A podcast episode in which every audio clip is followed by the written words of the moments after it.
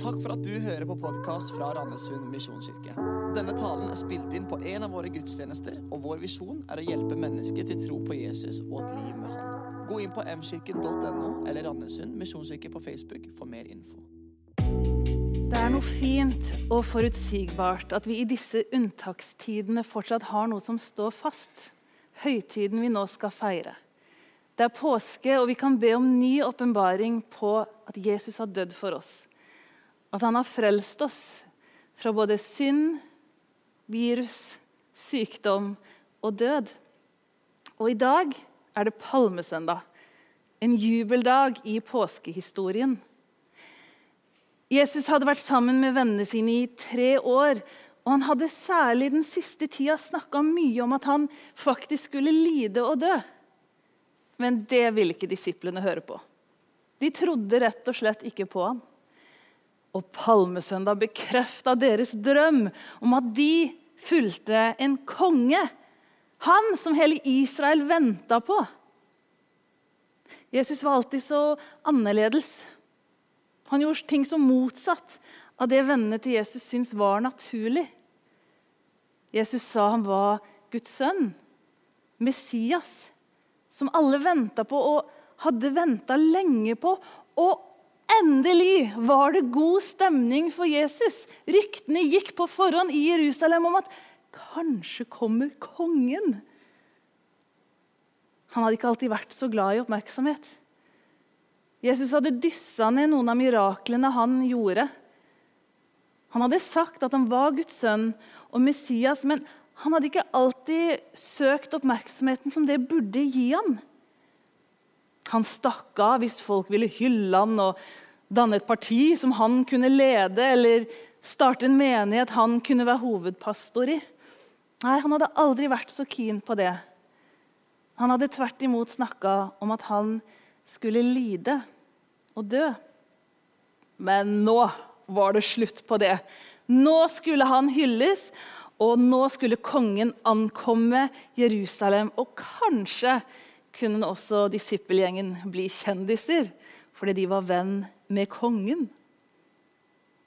Og Hadde kongen skulle ankommet våre lokaler, så hadde han sikkert kommet i en fin limousin eller en eller annen dyr, svart bil. Men Jesus skuffa nok disiplene litt da han kom ridende på et esel. En fattigmannshest. Det var det barna brukte for å komme seg fram og tilbake. De rojale skulle jo komme til hest. En krigerkonge ville jo ankommet på en majestetisk hest. Men et esel altså I dag ville det kanskje vært som om kongen skulle komme på sånn rullesko eller kanskje en sparkesykkel. Og så var det måten Jesus hadde rekvirert dette eselet på. da. Vi leser fra Markus 11. Da de nærma seg Jerusalem og kom til Betfage og Betania ved Oljeberget, sendte Jesus to av disiplene av sted og sa til dem.: Gå inn i landsbyen som ligger foran dere. Straks dere kommer inn i den, skal dere finne en eselfole som står bundet, og som det ennå ikke har sittet noe menneske på. Løs den og før den hit. Og om noen spør hvorfor gjør dere dette, skal dere svare Herren har bruk for den, og han sender den straks tilbake igjen. De gikk av sted og fant folen bundet ved en dør ut mot gaten, og de løste den. Noen av dem som sto der, sa da til dem, 'Hva er det dere gjør? Løser dere folen?' De svarte som Jesus hadde sagt, og da fikk de gå. Disiplene hadde fått så mange rare oppdrag av Jesus at de hadde lært at det beste var bare å høre på ham og gjøre som han sa. Og jammen meg så hadde han rett også denne gangen. Jesus sier om seg sjøl i Johannes 5, 19 og vers 20. Sannelig, sannelig, jeg sier dere, sønnen kan ikke gjøre noe av seg selv, men bare det han ser sin far gjøre. Det far gjør, det gjør også sønnen. For far elsker sønnen og viser ham alt det han selv gjør. Her kommer noe av det nydelige samspillet mellom far og sønn fram. Deres betingelsesløse tillit til hverandre. Det perfekte samspillet. Enheten og kjærligheten som treenigheten er bundet sammen av. Og Selv om det samme ikke kunne sies om disiplene, at de kun gjorde det Jesus ba dem om, så setter Jesus opp sin relasjon til far som et eksempel på hvordan mitt liv som disippel, Kristus-etterfølger, skal være i total avhengighet av far og det han sier at jeg gjør, skal gjøre. Og jeg er ikke der at jeg ikke gjør noe uten at far har bedt meg om det. Men jeg lengter i hvert fall etter å faktisk gjøre det jeg opplever at Ånden minner meg om. De små tiltalene, magefølelsen, den innskytelsen som jeg ikke kan forklare. Og i en tid som denne, med mange begrensninger, ser Gud muligheter. Og han vil fremdeles at du og jeg skal være hans armer og bein her på jorda. I vårt hjem, i vår gate, kanskje på jobben eller i menighetsfellesskapet. Guds kreativitet og hans uttrykk for kjærlighet lar seg ikke stanse i karantene. Guds godhet lar seg ikke begrense til fysiske klemmer, men vil alltid nå igjennom. Kanskje skal du og jeg fortsette å starte dagene med å be om å få gå i ferdiglagte gjerninger som Gud allerede har lagt klare for at vi skal gå inn i de disse dagene. Disiplene opplever at det nok en gang skjer. Alt det som Jesus sa, det skjer. Eselet står der, de får løst det, og så fører de det til Jesus. Og så står det de førte folen til Jesus og la kappene sine på den. Og han satte seg opp. Mange bredte ut kappene sine på veien. Andre dekket den med grønne kvister som de hadde skåret på markene omkring. Både de som gikk foran, og de som fulgte etter, ropte Hosianna! Velsignet er Han som kommer i Herrens navn. Velsignet er vår far, Davids rike, som kommer, Hosianna, i det høyeste. Datidens røde løpere var palmegreiner, kvister. Det var som deres flagg. Det som vi veiver med på 17. mai når vi vil feire noe og vise vår begeistring. Så løfta de altså ofte palmegreiner eller kvister. Og nå la de en grønn løper foran bakken der Jesus red på eselet. Men når Jesus kom, så står det at de til og med la kappene sine ned på bakken. Og hør, De hadde ikke så mange kapper. Det var én, det. Og den måtte de ta vare på. Og kappene det var jo ikke som jakkene vi velger liksom for å matche skoa akkurat i dag. Nei, Den ene kappa de hadde, den fortalte alle hvem de var. Soldatene gikk i soldatkapper. Snekker og håndverkere kunne du se på kappene at var nettopp det. Ja, Kappa ga identitet og sa noe om hvem du var, og til en viss grad hva du var verdt. Og dette kasta de ned på bakken foran Jesus, og de risikerte at den ble ødelagt. og I hvert fall ordentlig skitten. Å kaste ned sitt dyrebare for Jesus står det at også skal skje i himmelen en dag. I Johannes' åpenbaring kapittel 4 så blir vi tatt med til tronen, der Jesus sitter, omgitt av de 24 eldste. De er kledd i hvite klær, og de har seierskranser av gull på hodet. Og rundt dem så stråler lyn, og tordene drønner. Og foran dem er et glasshav som har krystall. Så står det i vers 8 til 11. Natt og dag roper de uten stans. Hellig, hellig, hellig er Herren Gud den allmektige, Han som var, og som er, og som kommer. Hver gang de fire skapningene priser og ærer og takker Ham som sitter på tronen, og som lever i all evighet, faller de 24 eldste ned for Ham som sitter på tronen, og de tilber Han som lever i all evighet. De kaster sine seierskranser fram for tronen og roper:" Verdig er du, vår Herre og Gud, til å få pris og ære og makt. For du har skapt alt. Ved din vilje ble alt til, skapt av deg. Og jeg nynner fort på den gamle salmen. Hellig, hellig, hellig. Herre Gud allmektig. I det andre verset synger vi Hellig, hellig, hellig. Synger helgens skarer. Kaster sine kroner for dine føtter ned. Engleherrers jubel oppad mot deg farer, du som var og er og evig bliver ved. Det er litt av et crescendo. En verdig hyllest av Jesus, kongen, den seirende livgiveren. Og det gjør ærlig talt at eh, palmesøndag blekner litt. Som et stusslig forspill, men et jordisk frempek på en himmelsk hyllest en dag. Hvis Jesus kom i dag, hva ville jeg lagt ned for han da?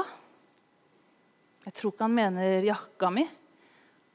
Ikke bærer jeg noe fysisk seierskrans, men hva er verdifullt for meg og for deg i dag?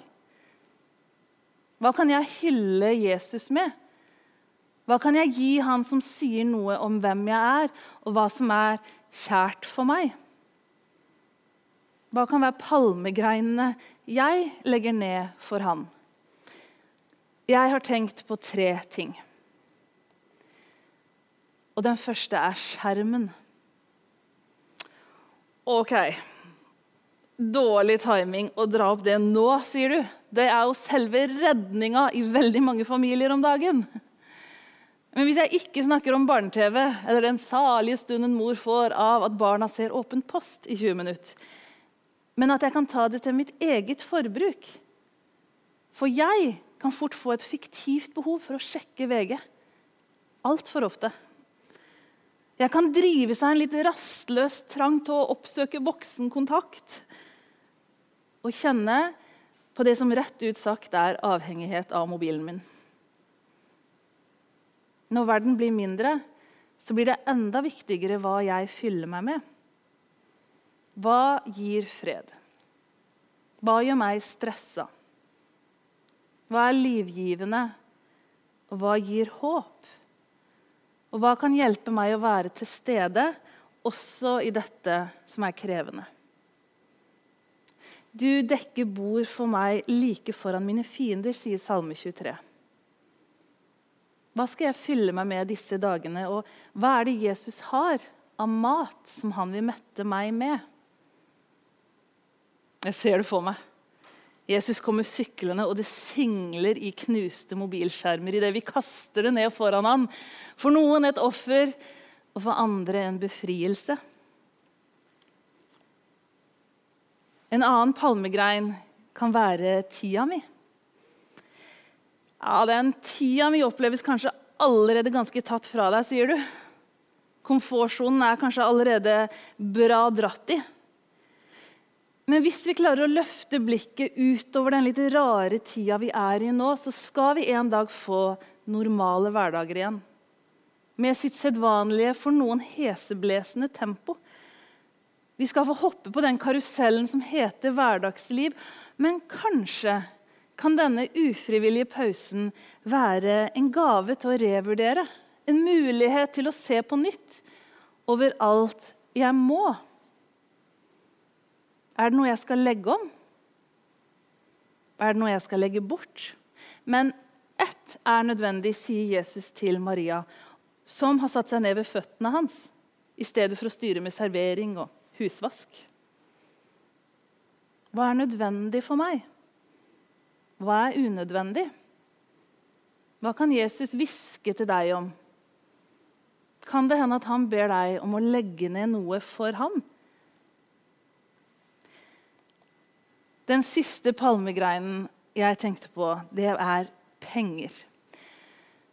Og det er jo enda en touchy ting å snakke om i disse dager. Jeg veit at flere av oss nå møter andre økonomiske tider enn det vi hadde før dette skjedde. Noen av dere har blitt permittert. Andre av dere har vært nødt til å permittere ansatte. Noen kjenner på en stor økonomisk usikkerhet i møte med fremtida, mens andre er forholdsvis uberørt.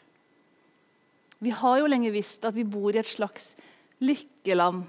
Et lite rikt hjørne av verden med mye rikdom og overflod, men også store forskjeller. Og de samme forskjellene vil vise seg i den kommende tida. Som Kristus-etterfølgere er økonomien vår også en del av trosutøvelsen og tilbedelsen. Og det som er like sant nå som for noen uker siden, er at jorden og alt som fyller den, hører Herren til. Jeg blir fortsatt utfordra på å holde hånda mi åpen, så jeg ikke holder så hardt i tinga mine eller pengene mine. Holde hånda mi åpen for at Gud kan minne meg hvis det er noe jeg skal gi, noe jeg skal gjøre med de midlene jeg har. Kanskje skal du holde hånda åpen fordi det er en tid for å ta imot. Gud er fremdeles rik nok for deg. Han ønsker fortsatt å forsørge deg, og han kjenner hvert minste behov og bekymring du har. Hvis jeg skulle legge ned pengene mine for Jesus, så betyr det kanskje aller mest å gi opp eierretten min, eller hangen til å sammenligne seg, eller den tryggheten jeg så lett setter til penger istedenfor til Gud. Kan det å invitere Jesus inn i privatøkonomien og stole på at han er god, og han vil deg godt, og han vil gjerne gjøre godt gjennom deg og oss alle, og gjennom det vi eier Det kan også være en palmegrein disse dagene. Jula varer helt til påske, sier de. Og jeg har gått og sunget på en julesang i det siste. Trygve Skau har skrevet en helt ny julesang kalt 'Seine natt desember'.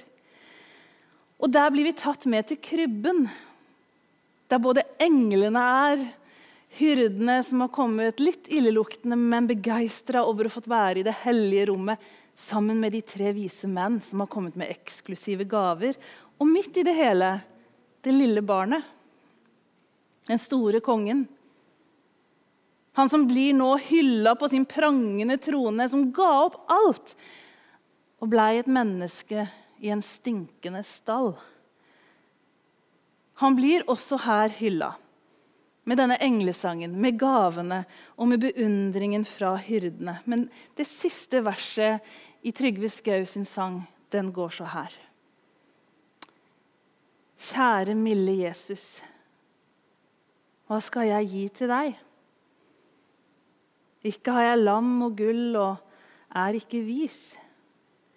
Men jeg kommer likevel og legger stille ned det vakreste jeg eier.